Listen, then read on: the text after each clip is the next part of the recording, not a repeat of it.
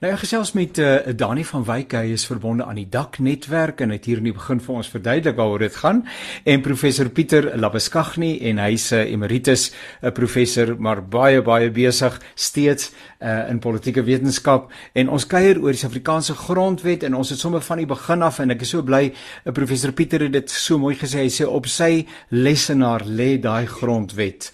Uh, en ook by broer Dani het hy syne vir my gewys hier op die skerm terwyl ons lekker met mekaar saam kuier want ons sê die voordeel dat ons mekaar kan sien. Ons kuier via Zoom alhoewel die luisteraars uit die aard van die saak net ons stemme hoor. En hier in my rak het ek ook ewenigs die grondwet uh dat dit 'n dokument is wat nie net 'n uh, 'n dokument is wat uh, uh in in akademiese kringe bespreek word en mense gaande het of nie gaande het nie, maar dat dit inderdaad uh op 'n uh, plaaslike vlak, op grondvlak die lewens van mense impakteer.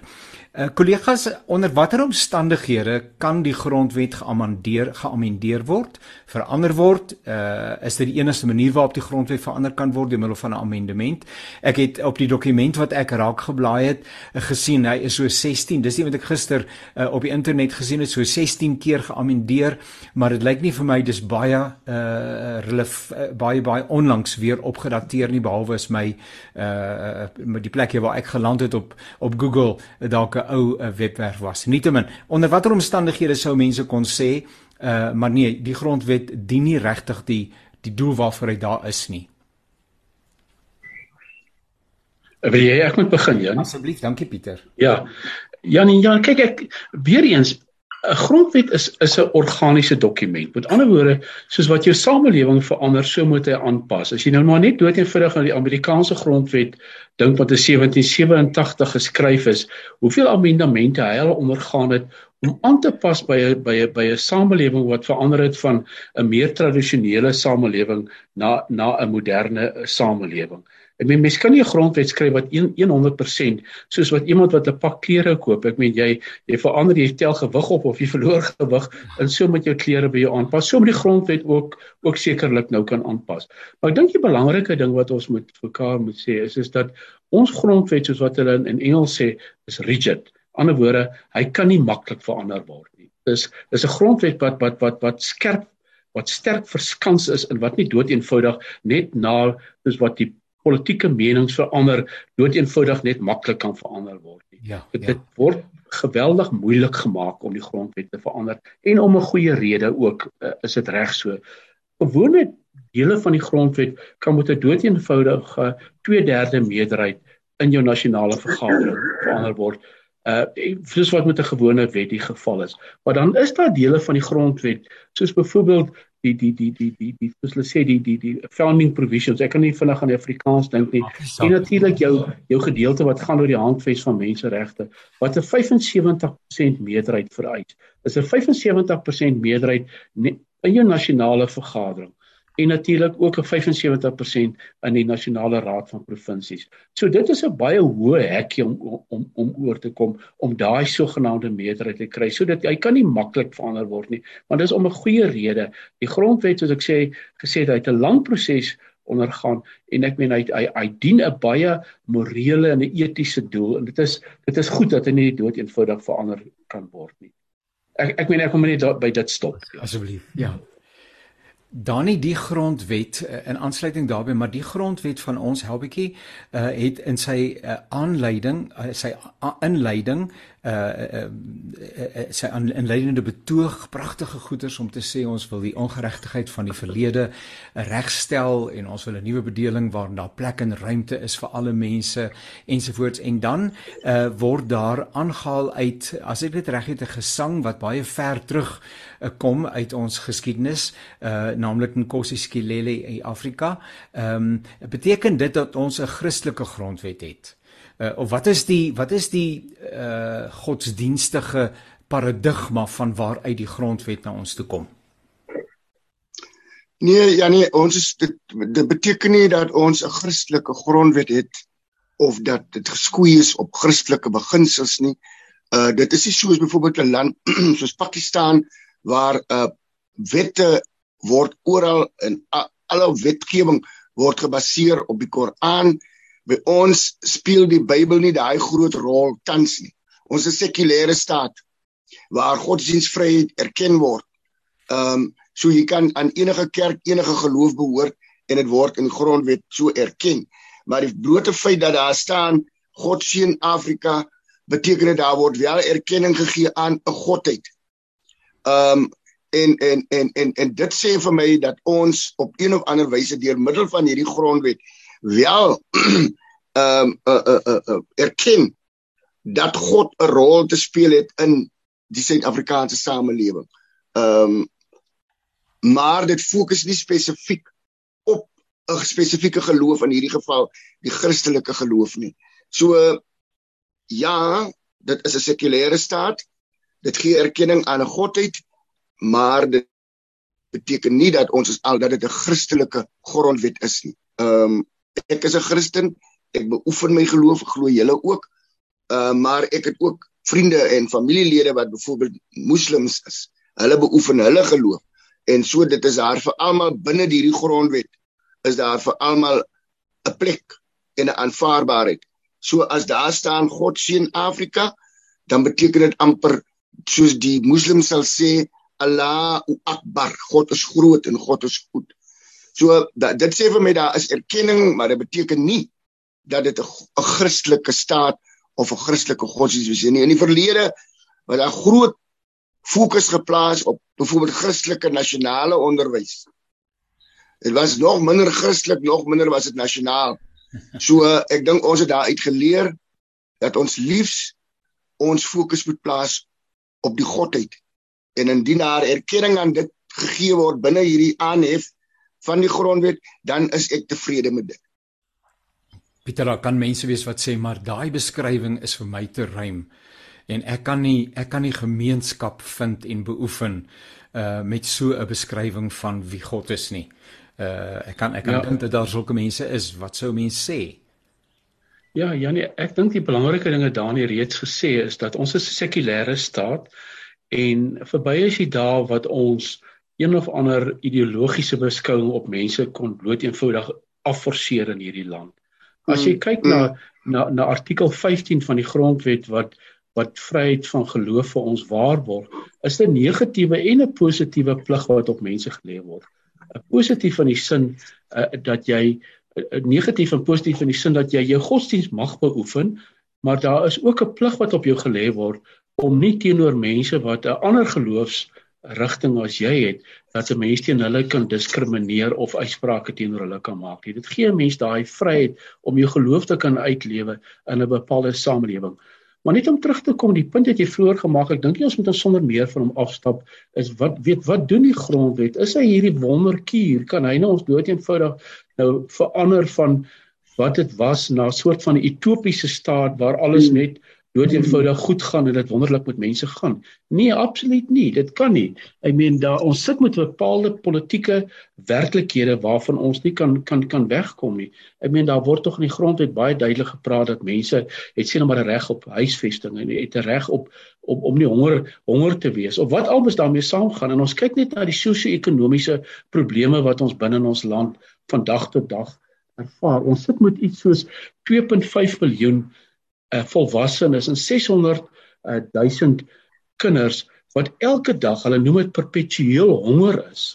Jy weet daar was mm. sake gewees soos byvoorbeeld, ek dink Dani se bewus wees van die saak, een van die eerste sake, die sogenaamde grootboom saak waar in die basiese reg op huisvesting van brein mense onder die Kaap wat sê maar luister die grondwet waarborg dit ons. Ek meen hulle is gelyk gegee, maar die staat het dood eenvoudig nie die vermoë en as ek dit reg gedaan het, is dit die grootboom familie nog steeds sonder sonder 'n huisvesting. So dit is goed om te sê, mens nie onrealisties wees. Ons het al hierdie bepaalde regte, maar hoe kan jy die regte uitoefen? Daar was 'n bekende saak in in in, in KwaZulu-Natal gewees, die Sobramuni saak waarin uh, die reg op lewe is aangedring by 'n hospitaal op 'n asemhalingsapparaat, maar die hospitaal kon dit nie voorsien nie want daar was nie fondse in die provinsiale uh, begroting daarvoor gewees nie. So daar's bepaalde realistiese goed. Ons mag nie al hierdie ideale hê aan al hierdie mooi woorde hê in in in in in in die in die in die handves van menseregte maar of die regering in staat is om dit te kan gee en dit te kan produseer is 'n ander saak. Weet dit is die moeilike aspek uh, daarvan. So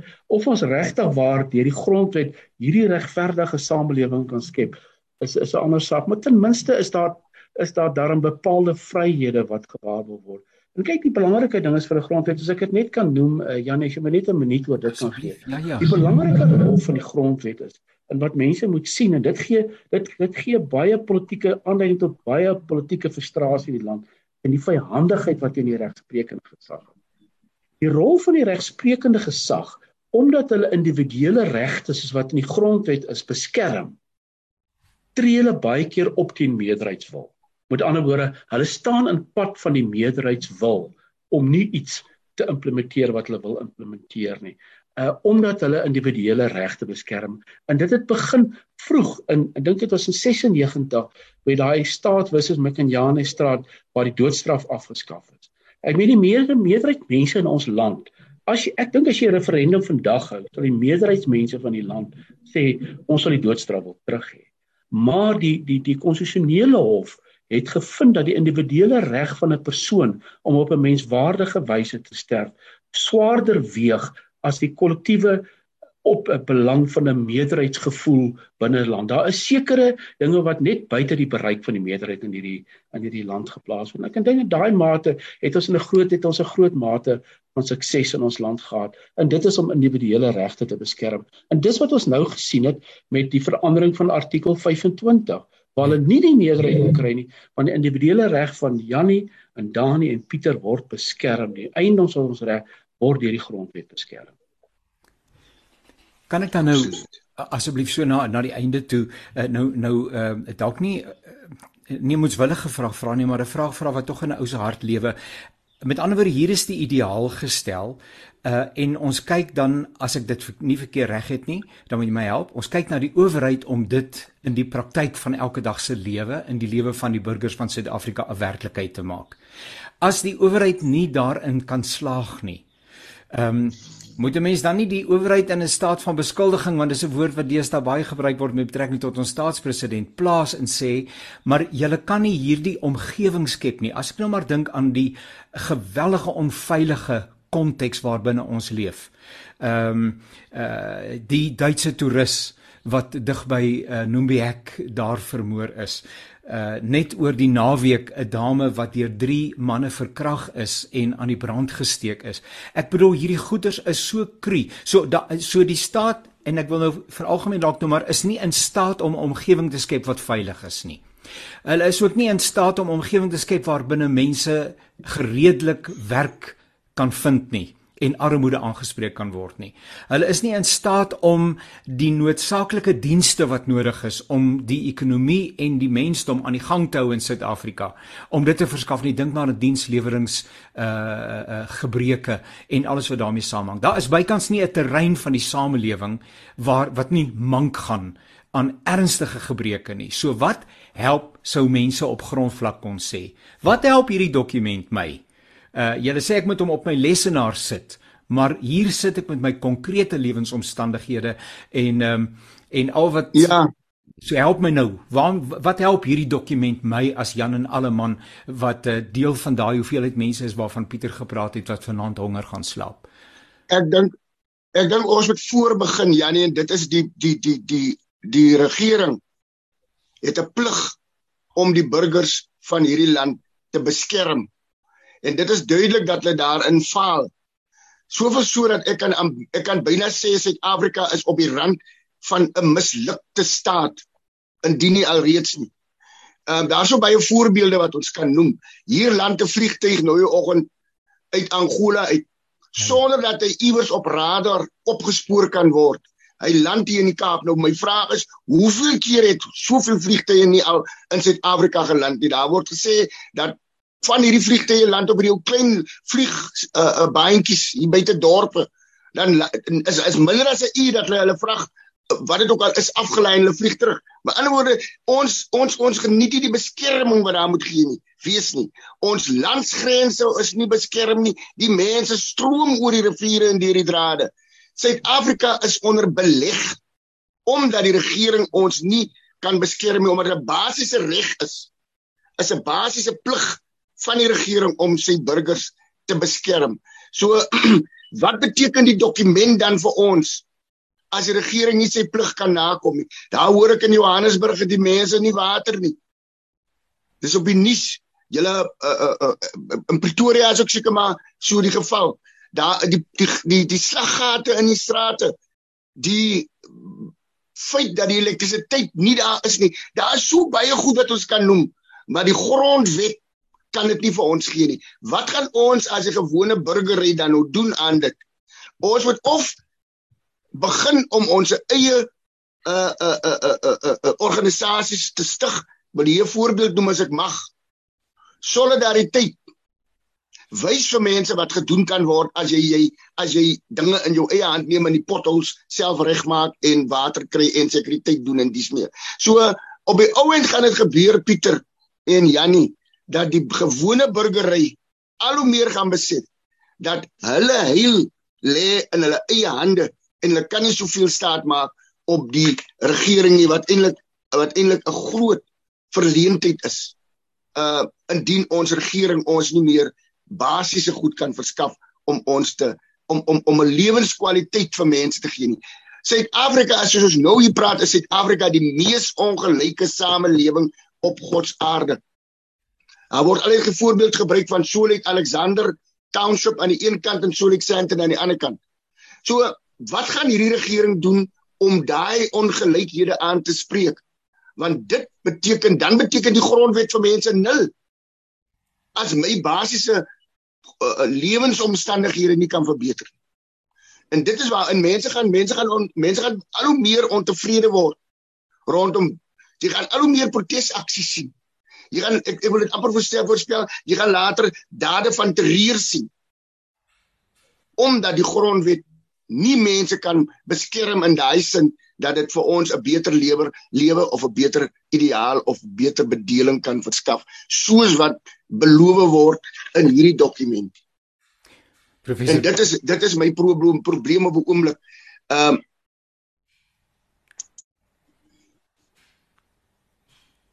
Nee, ons hoor hom ons Jammer Janie, ek ek het nou, ek weet jy het op Dis reg so. Mm. Professor Pieter so is daai daai mosie van wantroue, eh, daai staat van beskuldiging, mm. is dit waartoe ons op pad is in 2024. En hooplik ja, dat Janie, ons dit dan iets anders sal kan in plek kry. Kyk Jannie, die dood eenvoudig is wat is die grondwet? 'n Grondwet is 'n sosiale kontrak. Dis 'n kontrak tussen mm. ons en ons regering. Dit is soos in die om die dae terug te gaan van John Locke het het die die filosoof het gepraat van 'n sosiale kontrak en en en waarom gee mense bepaalde vryhede? Die ou natuurstaat is, is, is prys om in 'n meganistiese staat soos ons het te lewe.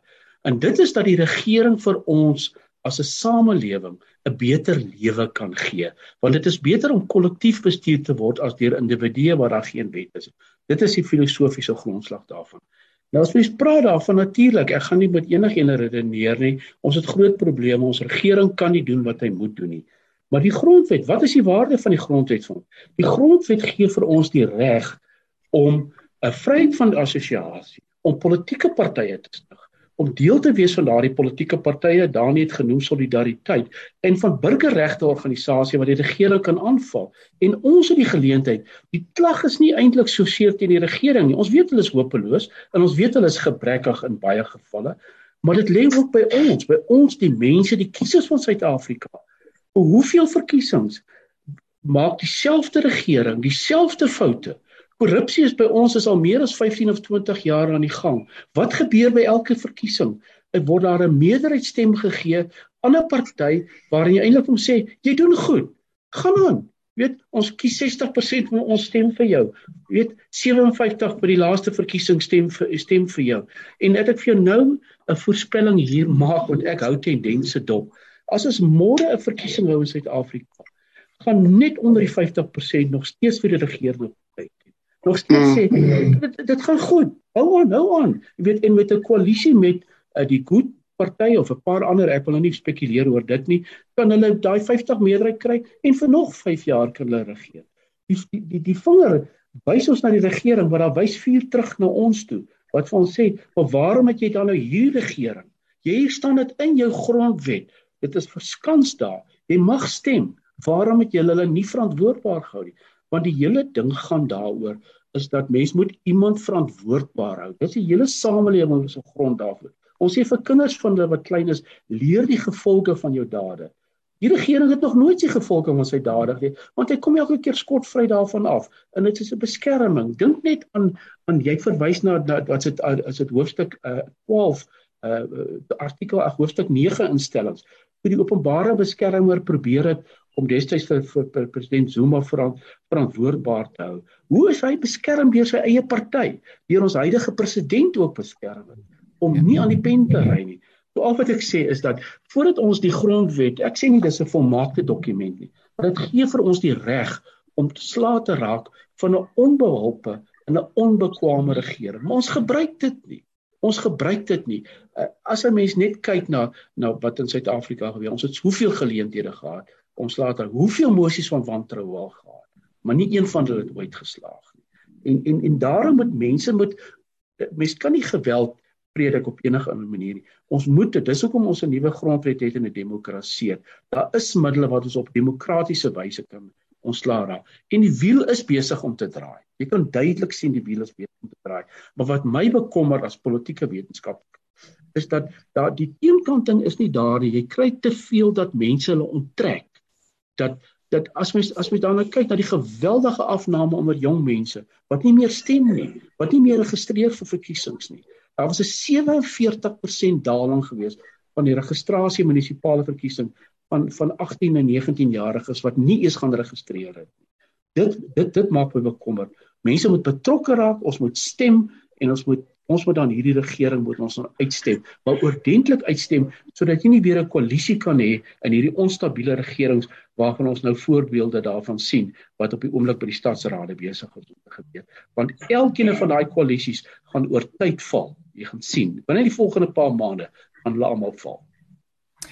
Kollegas, dis hoe waarvoor ons tyd het. Ek hoor dat ons eintlik die gesprek nog net begin het en ek is so dankbaar uh, dat uh, ek sommer 'n hele klomp nuwe perspektiewe uh, self kon raak hoor en ek dink ons luisteraars ook. Daai vier vingers wat terugwys, ons het 'n verantwoordelikheid. Ons is te maklik in 'n posisie om ander mense die skuld te gee, maar ons kom nie ons eie verantwoordelikheid na nie. Ehm um, baie baie dankie uh broer Dani van Wyk uh van die Dak netwerk Dani. Jy moet 'n baie baie aangename dag hê. Baie dankie Jannie. Baie dankie Pieter. Professor Pieter, soos altyd 'n wonderlike voorreg om saam te kuier. Ons doen weer so in die toekoms en mag die dag ook vir u baie goed verloop. Baie dankie Jannie. Dit was ook lekker om Dani te kon ontmoet. Alles van die beste vir julle. Seën mense. Ja, Pieter, ek is gereeld altyd in Pretoria, so ek sal op 'n dag vir jou skakel, dan kan ons 'n koffie drink. Ja, dit gaan baie lekker wees, Dani. Dis 'n belofte, hoor. Maak so hoor. Okay man. Ek gaan ek sê totsiens en baie baie dankie. Totsiens hoor. Totsiens. Dankie.